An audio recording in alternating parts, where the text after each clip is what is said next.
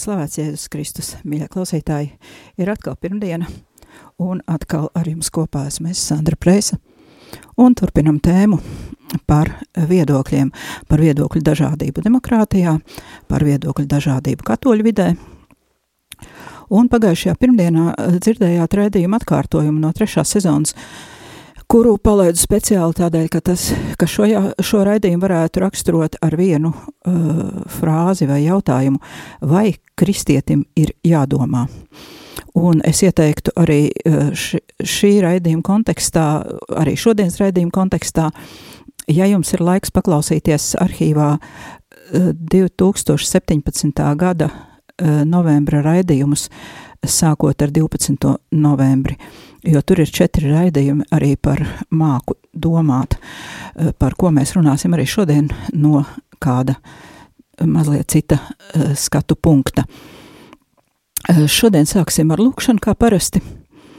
Lūksimies visos mūsu pašu nodomos, arī lūksimies par radio Mariju, par visiem tiem cilvēkiem, kuri rūpējas par to, lai lai vispār radio varētu skanēt, arī par naudas ziedotājiem, jo bez naudas, diemžēl, arī radio nevar skanēt. Lai arī cik laba būtu, mū, būtu mūsu griba un cik, cik būtu dedzīgs mūsu lūkšanas. Tātad lūdzamies arī par ziedotājiem un visu ziedotāju nodomos.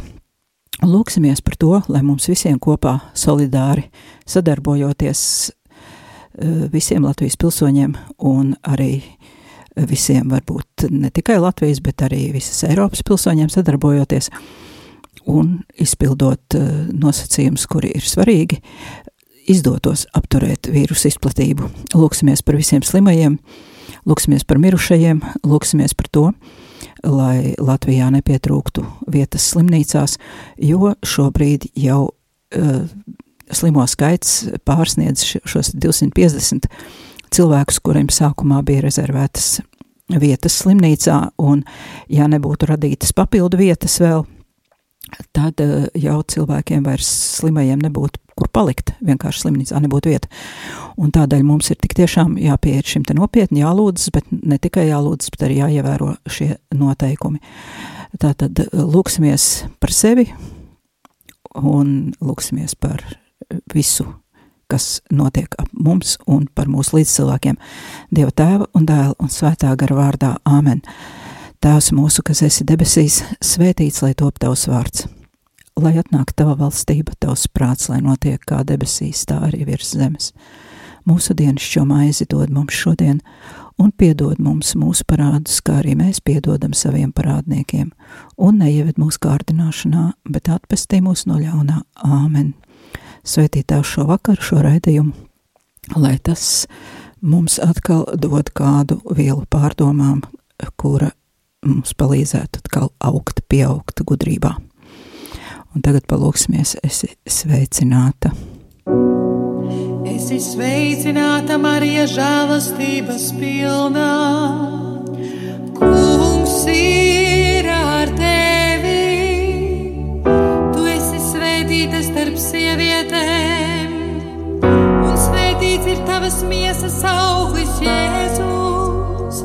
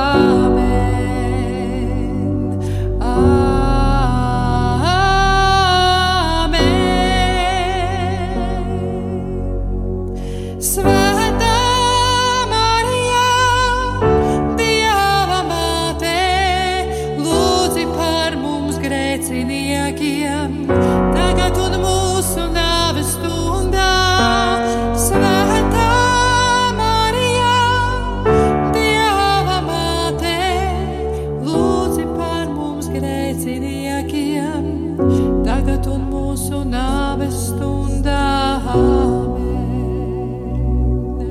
Amen.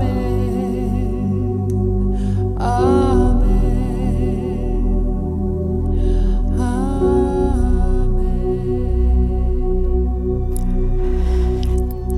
Skan redzējums vairāk tevis manī ar jums kopā es Sandra Preisa un eh, runājam atkal par viedokļu dažādību. Uh, demokrātijā, katoļu baznīcā, katoliskajā vidē starp lajiem un jebkurā mūsu dzīves situācijā. Tā tad jautājumi, kuri mums ir jāpatur galvā, lai vieglāk būtu saprast, uz kam pievērst uzmanību šajās pārdomās. Tātad jautājumi, vai viedoklim drīkst būt ierobežojumi?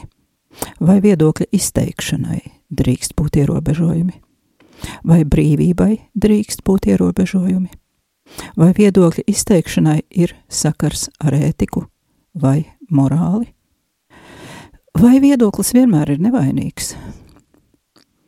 Vai visiem viedokļiem ir vienāds svars? Autoritātes un kompetences nozīme viedokli veidojot. Vai autoritāte drīkst ierobežot viedokļa brīvību? Un autoritāte katoļu baznīcā, kas tas īsti ir? Tātad eh, šie jautājumi visu laiku paliek fonā tam, par ko mēs runājam. Eh, pagājušajā pirmdienā, kā jau teicu, raidījuma atkārtojumā izskanēja doma par to, ka kristietim ir nevien jādomā, bet arī jādomā pareizi, lai viņu nevar, nevarētu piemuļķot. Nu, tas gan attiecas ne tikai uz kristiešiem, bet zinu, ka kristīgajā vidē ļoti bieži mm, cilvēki kaut kā domā, ka pietiek ar tādu aklu pasīvu ticību, ar iešanu uz baznīcu, bet uh, domāšana un tāda sava viedokļa veidošana tiek atstāta tā kā otrajā plānā, aizbildinoties ar to, ka, nu, Dieviņš jau par visu parūpēsies.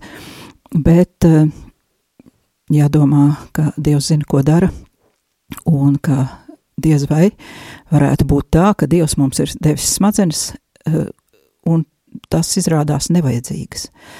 Diez vai Dievs būtu mums devis kaut kādu nevajadzīgu orgānu. Un tā tad, nu, pārsvarā mēs ar smadzenēm tomēr mēģinam domāt, ne tikai koordinēt mūsu kustības.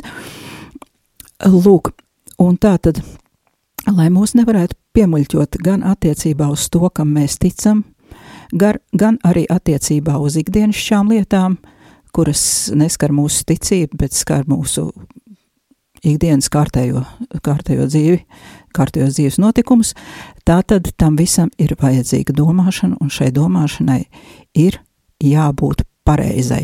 Protams, ka mums visiem ir bail no šī vārda pareizi, ja? tāpēc, ka tad mums liekas, ka kāds mums tagad uzspiež, tā ir pareizi, un šī tā vairs nav pareizi, un tagad atkal mēs gribam runāt par brīvību, ka mēs esam brīvi, un mēs esam brīvi arī domāt, kā gribam, un nav tādas pareizas vai nepareizas domāšanas. Un par to mēs, protams, varētu arī diskutēt veselu stundu vai vairāk, bet eh, šo mēs paturam prātā, klausoties tālāk rēdījumu. Tātad esam jau runājuši par to, mm, ka cilvēkam, ja viņš nav šizofrēniķis, ir viena dzīve. Un šī dzīve var būt vai nu garīga, vai arī bez apzinātas garīgās dimensijas.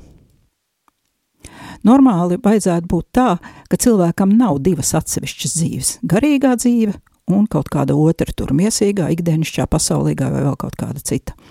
Tātad vesels cilvēks garīgumu integrē visā savā dzīvē, un viņam ir viena dzīve, un viņš integrē garīgumu gan laikā, kad lūdzas vai kalpo, gan laikā, kad atpūšas vai veic mājas darbus, gan arī savā darba laikā. Un tas nebūtu nenozīmē, ka darba laikā mums ir jārunā par ticību, vai sludināt darba biedriem, vai jāskaita pāteri. Mēs vienkārši varam visu darīt Dieva godam, vai arī kaut ko nedarīt Dieva godam. Un tieši tāpat mēs varam arī domāt Dieva godam, vai nedomāt, vai arī domāt kaut ko kas nav dievgodam. Uh, šī atkāpe par uh, dzīvi un šo garīgo dzīvi, ir kā pamatojums tam, ka pat tad, uh, ja es savos raidījumos pieskaros kaut kādām tēmām, kuras nav tieši saistītas ar kaut kādu mistiku, bībeli, garīgo dzīvi, katehismu vai kādām garīgām mācībām, visas šīs tēmas tomēr attiecas uz šo mūsu vienīgo dzīvi. Un jo labāk mēs to dzīvosim, jo vairāk šī dzīve būs Dieva godam. Mēs varam pagodināt Dievu pasaules vidū, ja parādam apkārtējiem, cik kristietis var būt gudrs, prātīgs, apdomīgs. Ja mēs parādam, kādus panākumus mēs varam sasniegt, kad dzīvojam atbilstoši tam, ko mēs sludinam. Un tieši mūsu dzīves liecība ir vislabākā sludināšana. Bet, ja mēs izsakām neapdomīgus un muļķīgus viedokļus, atbalstam sazvērstību teorijas, sludinām dažādas nepārbaudītas un nezinātniskas teorijas un izplatām viltu ziņas, mēs apkaunojam ne tikai paši sevi, bet, ja apkārtējie cilvēki zina, ka esam kristieši, mēs arī noskaņojam cilvēkus pret baznīcu. Jo ar savu negudro rīcību mēs apstiprinām to hipotēzi, kas valda ārpus baznīcas, ka visi ticīgi ir tumsoņas, kas tic visādiem māņiem, dieviņam ar bārdiņu uz uh, mākoņa malas un vēl visādām citām pasakām un muļķībām. Un jo mēs negudrāk rīkojamies un neapdomīgāk runājam, jo vairāk mēs šo viedokli atbalstam. Un lai tā nenotiktu, kristietim būtu ļoti, ļoti daudz jāmācās. Jāmācās gan baznīcas mācība un svētie raksti, gan arī pareizas domāšanas māksla, lai spētu gan aizstāvēt un neapkaunot savu ticību, gan arī orientēties apkārtējos notikumos un pieņemt pareizos lēmumus. Vai vienkārši vismaz iemācīties nerunāt klajas muļķības. Tātad, visi cilvēki kaut ko domā. Tomēr pastāv arī kļūdaina domāšana un biežākās domāšanas kļūdas daudzu gadu laikā ir formulētas un pat ieguvušas sev vārdu, jeb atbilstošu nosaukumu. Kā jau minēju, 2017. gadā novembrī man jau bija vairāki raidījumi par to, kādas kļūdas mēs pieļaujam domājot un arī kā tās sauc vārdā. Šodien es turpināšu to tēmu vai papildināšu. Un Tātad, ja gribat kaut ko vairāk dzirdēt, tad varat klausīties atkārtojumus. Tie, kuri ir studējuši filozofiju un loģiku, noteikti jau zina visu to, ko es šeit stāstīšu. Taču varbūt arī viņi kaut ko iegūs no šī vakara raidījuma. Šobrīd eh, kritiskā domāšana ir eh, ļoti tāds kaut kas aktuāls, ar ko nodarbojas gan filozofi, gan politologi, gan sociologi. Eh, un patiesībā, ja šī tēma interesē, tad internetā var sameklēt ļoti daudz arī materiālus latviešu valodā, gan video materiālus, gan arī materiālus lasīšanai. Un dažādās programmās par to gan stāsta, gan māca. Un eh, šie raidījumi un visi šie materiāli ir ārkārtīgi interesanti, daudzpusīgi, un katrs tur var atrast noteikti kaut ko sev. Piemēram, arī Latvijas Universitāte rīko kursus Open, Mind, Open Minded, un uh, arī Facebookā ir vairākas grupas, kuras nodarbojas ar tādu cilvēku izglītošanu. Uh, mani vairāk pamudināja šobrīd atgriezties pie tēmas tas, ka es diezgan daudz tādus īpatnējus viedokļus, teiksim tā, dzirdu, redzu gan mūsu katoliskajā vidē, tīri privāti sarunājoties ar cilvēkiem, gan arī katoļu interneta grupās. Un tā kā mēs esam katoļu raidstacija, tad es, protams, vēršos eh, pie tiem klausītājiem īpaši, kuri arī um, dzīvo tādā pašā, jāsaka, informācijas burbulī un iespējams redz un dzird tieši to pašu, ko dzirdu un redzu es. Un tā tad galvenais kāpēc mums vajadzētu zināt par šīm domāšanas kļūdām, lai mūs neizmantotu kaut, kādas, kaut kādi manipulatori, kaut kādi politiķi vai uh, kādi citi cilvēki, kuri uh, iegūst kaut kādu labumu no tā, ka mēs viņiem sekojam un turpinam paužam viņu viedokli tā, it kā tas būtu mūsējais.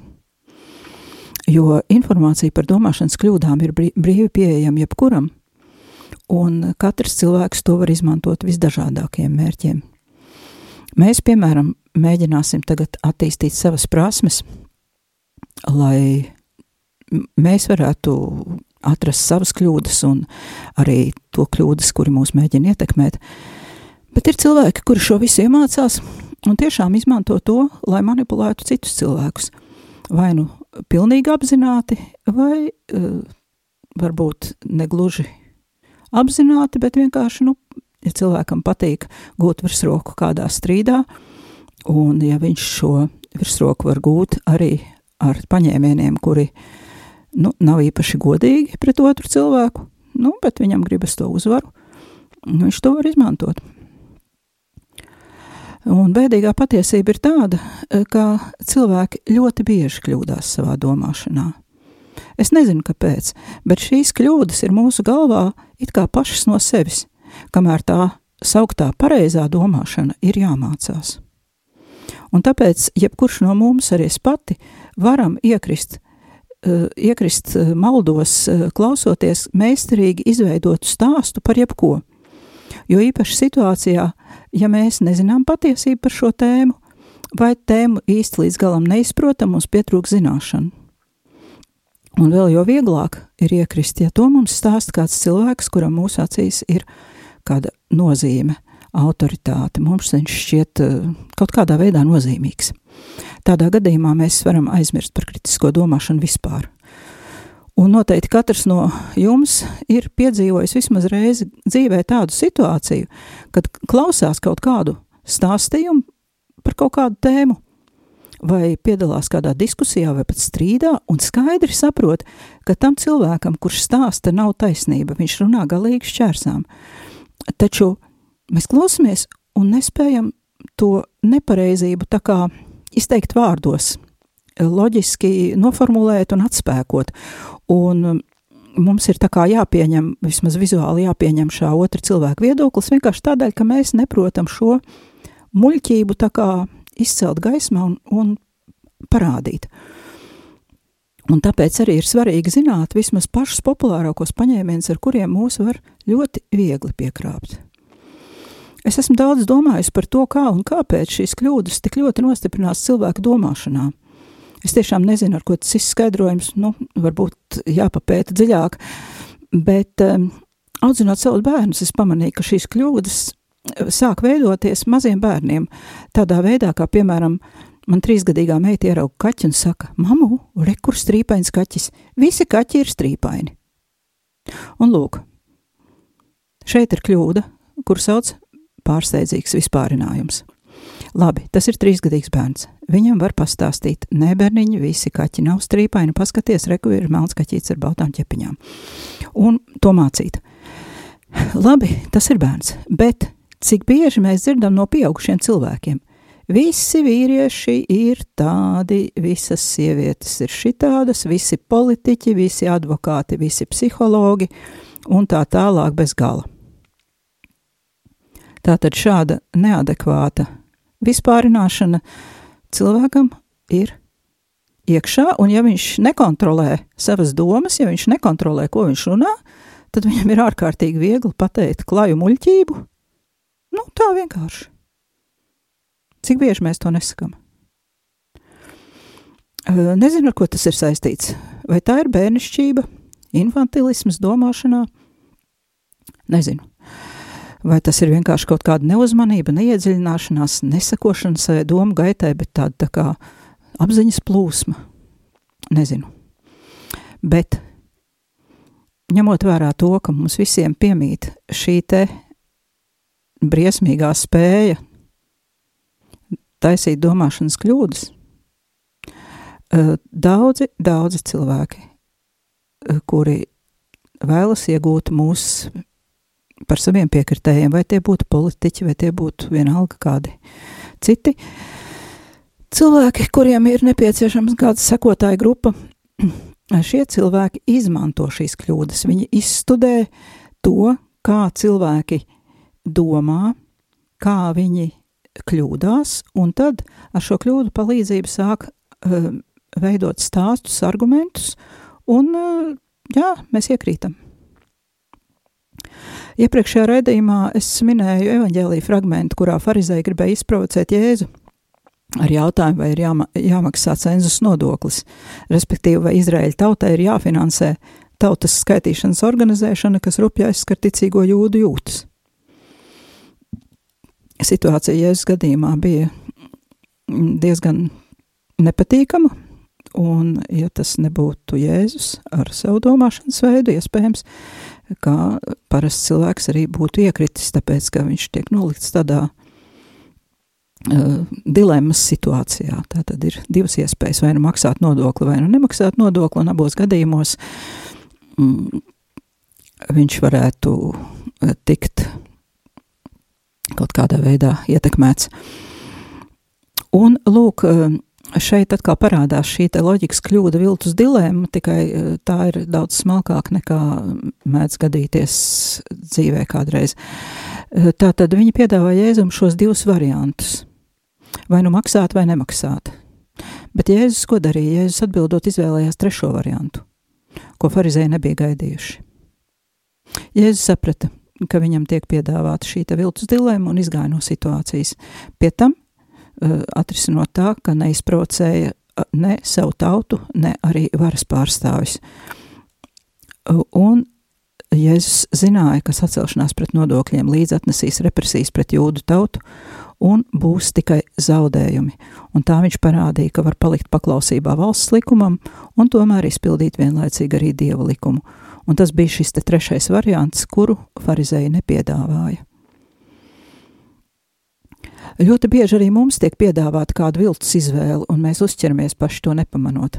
Piemēram, eh, ja kāds pazīstams politiķis apgalvo, ka vai nu tu sekosi man, vai arī tu nemīli Latviju. Jo Latvijā ir vajadzīgas pārmaiņas, es vienīgais to varu izdarīt, un ja tu man nesakosi tā, tad tu nevēlies pārmaiņas, nevēlies Latviju, nemīli Latviju, un šādā veidā viņš mēģina piespiest uh, sekot sev, Un no vienas puses tā ir šī viltus dilemma, vai nu tu seko man, vai arī tu nemīli Latviju. Nu, it kā nebūtu trešā varianta, it kā Latviju nevarētu mīlēt vēl kaut kādā citā veidā. Un vēl arī viņš uzspiež uz emocijām, nu kā, nu kā, kā es nemīlu Latviju, vai ne? Es tā sajūtos slikti, es gribu Latviju mīlēt, varbūt man jāsako tam politiķim. Tātad šeit jau ir spiediens uz uh, mūsu domāšanu gan ar šīs viltus dilemmas palīdzību, gan ar emociju palīdzību. Tāpat, piemēram, vai labāk būvēt bibliotēku vai par to naudu izārstēt zināmu skaitu vēža slimnieku. Mēs atceramies, ka bija liels diskusijas par to, vai bibliotēka Latvijā ir vajadzīga, un bija diezgan daudz arī tādu cilvēku, kur uzskatīja, ka nav vajadzīga, un ka par to naudu tiešām tur var vēža slimnieks iz, izdziedināt vai vēl kādu citu labu darbu izdarīt. Un kļūda ir tajā, ka tiek piedāvāta izvēle starp lietām, kuras abas ir svarīgas, un pie tam šīs lietas tiek izvēlētas, lai papildus spēlētu uz cilvēku emocijām, kas ir šī negodīgā argumentācijas metode. Eh, nevar izglītību pretstatīt kultūra, kultūra izglītību un kultūru eh, pretstatīt eh, veselības nodrošināšanai. Nevar arī pretstatīt, piemēram, nodokļus un samaksas par darbu, piemēram, ja mums kāds uzņēmējs paziņo, nu, es vai nu maksāšu nodokļus, vai nu maksāšu strādniekiem. Ja? Nevar šīs lietas pretstatīt, jo abas šīs lietas ir svarīgas. Bet, ja šādu dilemmu mums izvirza kāds mēdījis, kuram mēs uzticamies, vai politiķis, tad mēs varam sākt neauglīgu cīņu pret bibliotēku vai cīņu pret nodokļu maksāšanu, piemēram. Un līdzīgi ir šobrīd arī ar šiem masku stāstiņiem. Kāds mums saka, ja tu nesā masku, tev ir izskalotas smadzenes. Nu, protams, es negribu būt muļķis ar izskalotām smadzenēm, un tāpēc masku nenēsāšu. Bet cits mums saka, nesējot masku, tu pasargā citus bet es nedzirdu. Jo citi man neko nenozīmē, bet man ir svarīgi, lai es neesmu muļķis. Un šeit rodas arī vēl viena domāšanas kļūda, kura tiek izmantota. Mm, tā tad eh, vil, viltus autoritāte.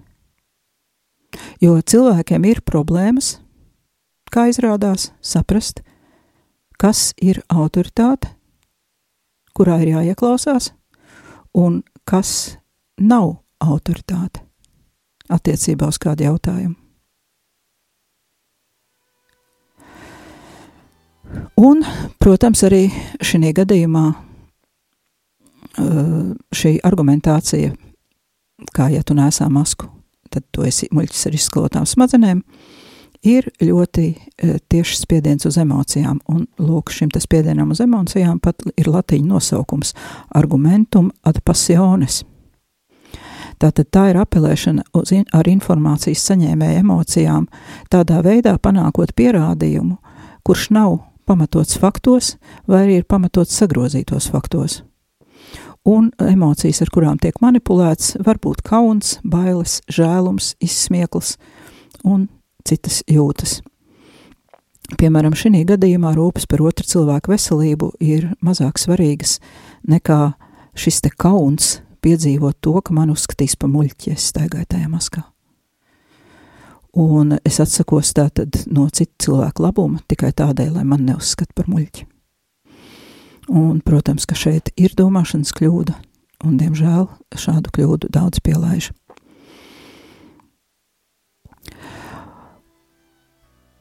Un e, vienmēr, kad mēs izsakām kādu viedokli, vajadzētu atcerēties to, Tie ir tie jautājumi par autoritātes autoritātes iespaidu uz viedokli.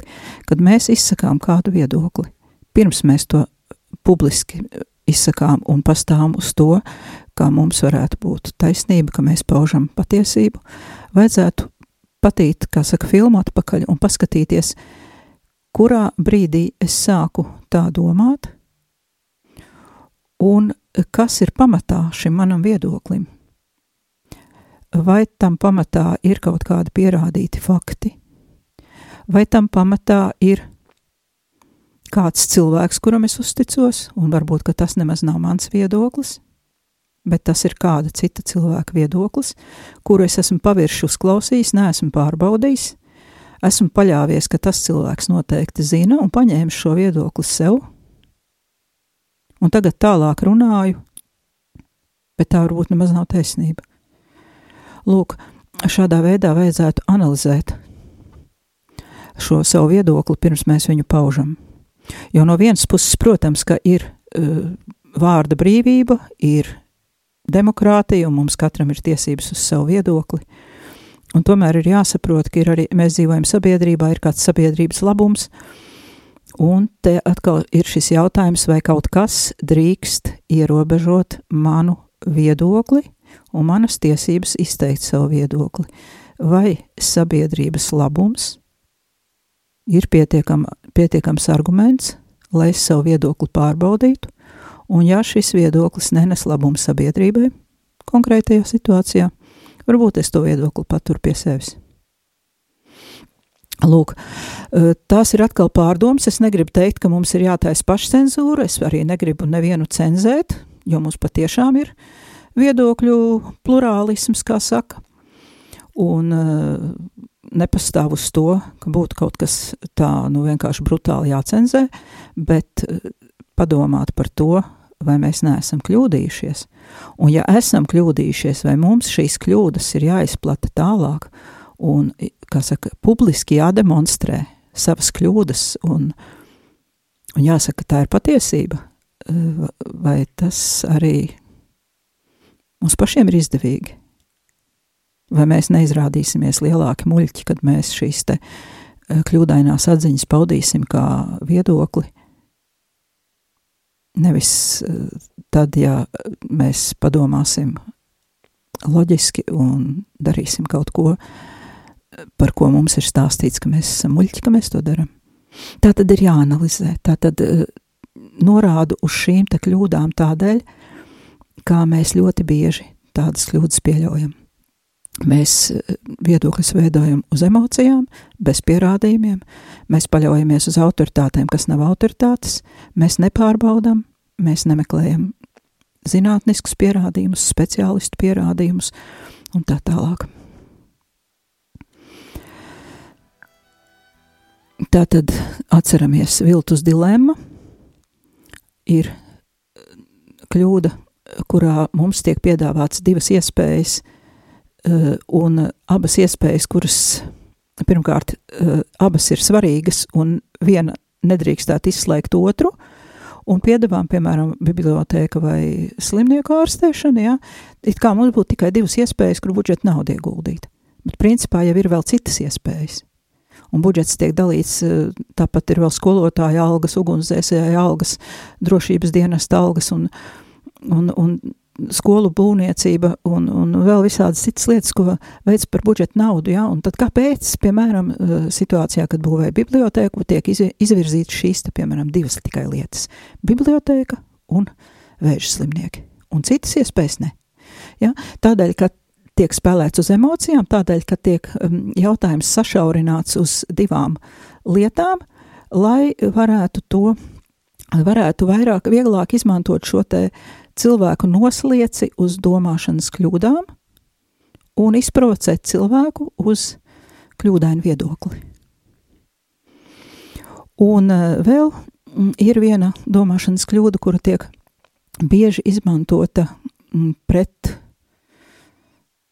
cilvēkiem, uh, kuru bieži izmanto manipulātori dažādi, nu, ar dažādiem mērķiem, kā teicu, ir tāda kļūda ad ignorancijām jeb eh, kļūda, eh, kura izmanto cilvēka nezināšanu, cilvēka izglītības vai informācijas trūkumu, vai vienkārši cilvēka muļķību.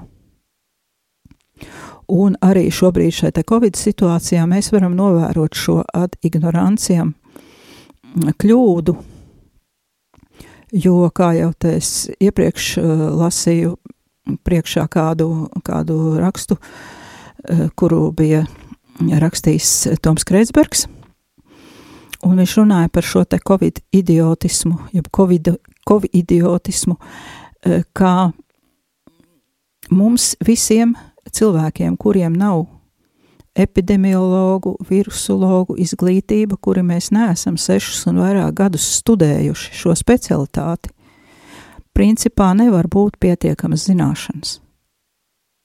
Nu, nevar būt tā, ka viens cilvēks ir studējis un eh, desmitiem gadu varbūt jau strādājis specialitātē, un tagad mēs izlasām kaut kādas divas lapas, noklausāmies vienu YouTube video, vēl paklausāmies, ko mums tur kāds politiķis saka, un tagad mēs esam gudrāki par tiem cilvēkiem, kur to ir mācījušies.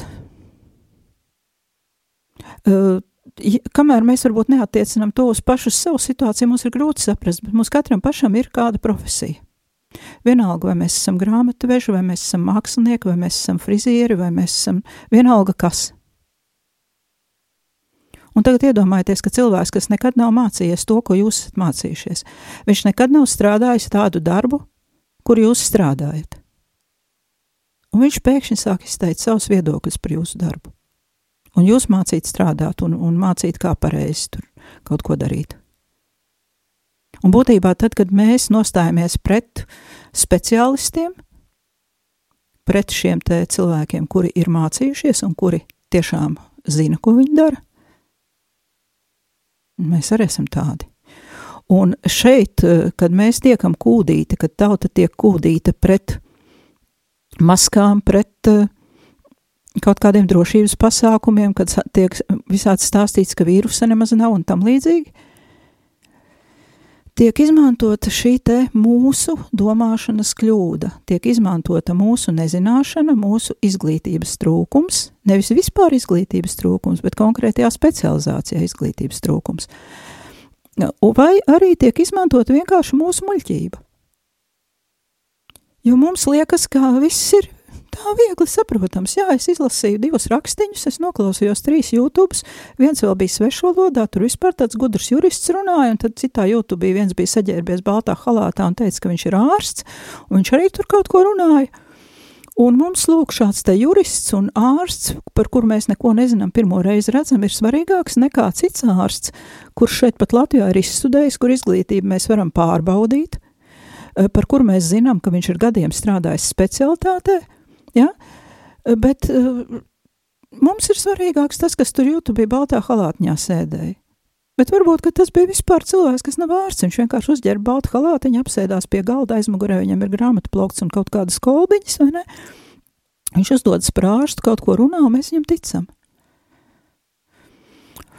Un lūk, šeit tā tad šī kļūda, kuru mēs pielaižam un kuru izmanto cilvēki, kuri vienkārši nu, grib sašķelt sabiedrību, grib radīt jukas, vai spēlējas ar citiem cilvēkiem, viņiem patīk, ka viņiem ir sekotāji, ja? varbūt viņiem ir kaut kāds YouTube kanāls, kur viņi pelna naudu ar reklāmu, viņiem ir svarīgi, ka cilvēki viņus klausās un, un, un spiež laikus un komentē, un tad viņiem tie reklāmdevēji maksā. Un viņi izmanto mūsu muļķību. Un tādēļ es aicinu domāt par to, ka no vienas puses mēs esam brīvi izteikt visus šādus viedokļus, un neviens nevar aizliegt mums izteikt visādus viedokļus, bet te pašā laikā vajag padomāt par to, kur šis viedoklis rodas, un vai es neizskatos gal galā pēc muļķīša tajā brīdī, kad es šo viedokli paužu. Tātad Iesaku jums arī pameklēt um, materiālus uh, internetā, un domāšanas kļūdas saucas logical fallacy, jeb logical bias.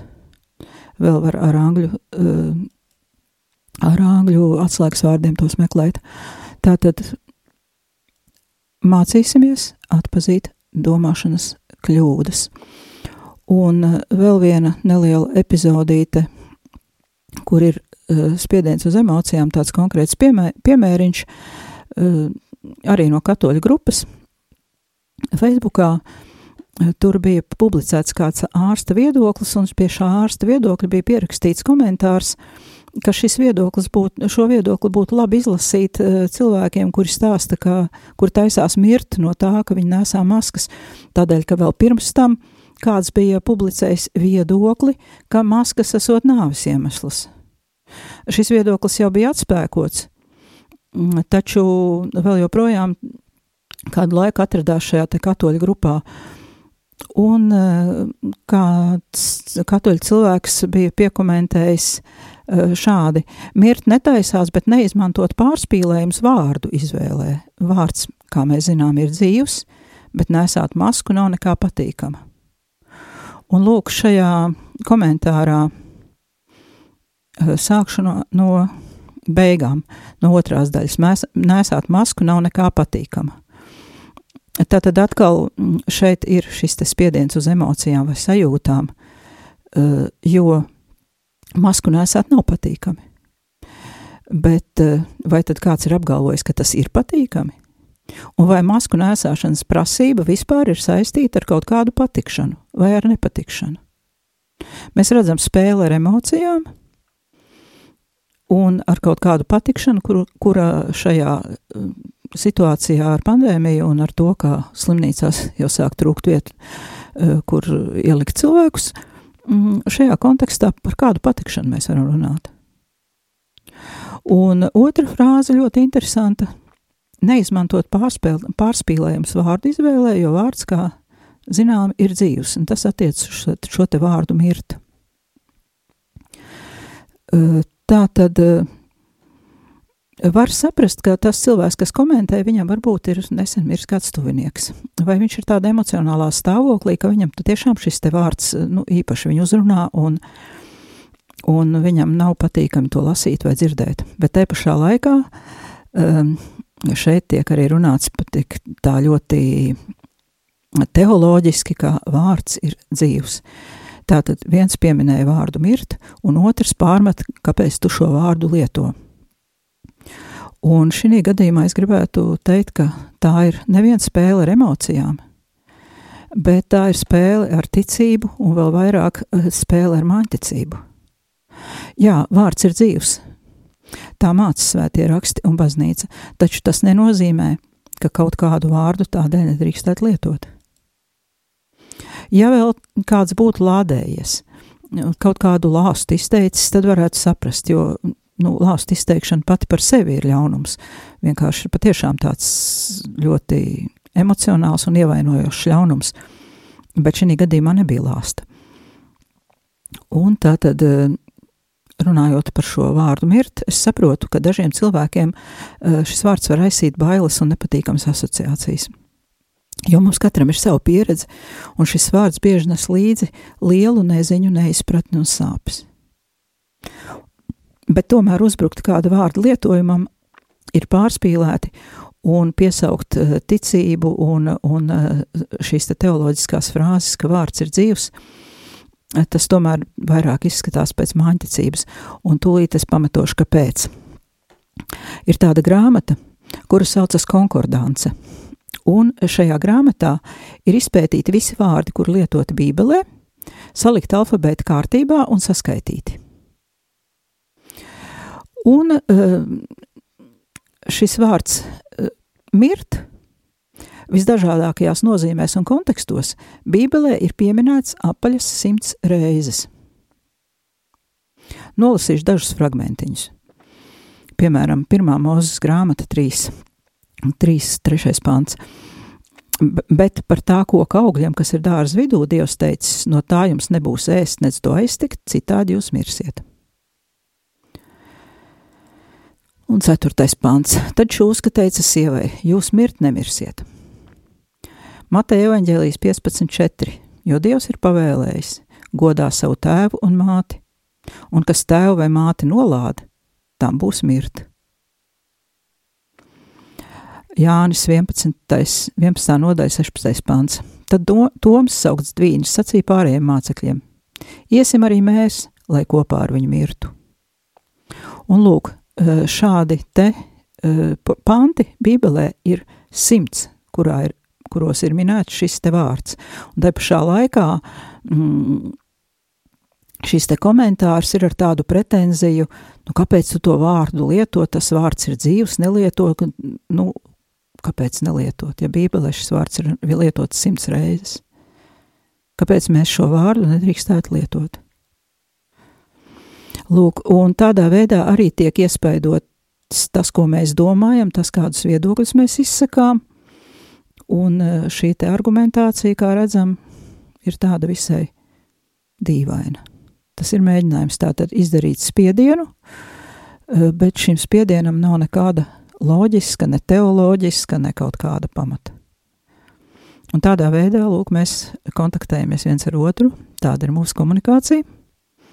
Un tā mēs izmantojam citu cilvēku emocijas, lai iespaidot šos cilvēkus, lai viņus iebaidītu, lai viņus iežēlinātu, vai vienkārši panākam kaut kādu uzticēšanos, pasniedzot sevi kā autoritāti, piemēram, vai arī pasniedzot kādu citu cilvēku kā autoritāti, un rezultātā vairojas šīs te viltus ziņas, jocīgi viedokļi, un eh, šī te pārprastā viedokļu brīvība, kura faktiski vairs nav pat īsta viedokļu brīvība, bet drīzāk tāda apmaiņa ar nepatiesībām un puspatiesībām, kuras nu, nekādi nebūtu nepieciešami izplatīt, jo īpaši cilvēkiem, kuri ir patiesības sludinātāji. Un, ja mēs, kristieši, sakām, ka Jēzus ir patiesība, ka mūsu Dievs ir patiesība, ka mēs visi meklējam patiesību, un Jēzus pats ir teicis, patiesība mūs darīs brīvus. Tātad katru reizi, kad mēs veidojam savu viedokli, kad mēs mēģinam dalīties ar kādu ar viedokli, vispirms izpētam paši savu viedokli, cik tas ir patiess, kur tas sakņojas – vai tajā vispār ir patiesība, vai tās ir tikai fantāzijas, kas ir noklausītas kaut kur no kāda, kas kaut kur teica drauga draugs, vai tur viena tantiņa teica autobusā, vai, vai, vai viens politiķis tur kaut kur Facebookā savā privātajā video kaut ko teica. Tā tad analizējam, pārbaudam un neizplatam nepatiesību, neizplatam muļķības un neapkaunojam pirmkārt paši sevi, otrkārt arī savu ticību, savu baznīcu. Ar to tad es arī šovakar beigšu. Varu vēlreiz atkārtot jautājumus tātad. Vai viedoklim drīkst būt ierobežojumi? Vai viedokļa izteikšanai drīkst būt ierobežojumi? Vai brīvībai drīkst būt ierobežojumi? Vai viedokļu izteikšanai ir sakars ar ētiku un morāli? Vai viedoklis vienmēr ir nevainīgs? Vai visiem viedokļiem vienāds svars? Un kāds vai drīkst būt autoritātes iespējas uz kādu viedokli? Vai viedoklis var vai drīkst, vai tam vajag būt atkarīgam no kompetences vai no autoritātes? Ar to tad es beigšu šovakar. Tā tad vēl joprojām tie paši jautājumi pārdomām un līdz nākamajai pirmdienai.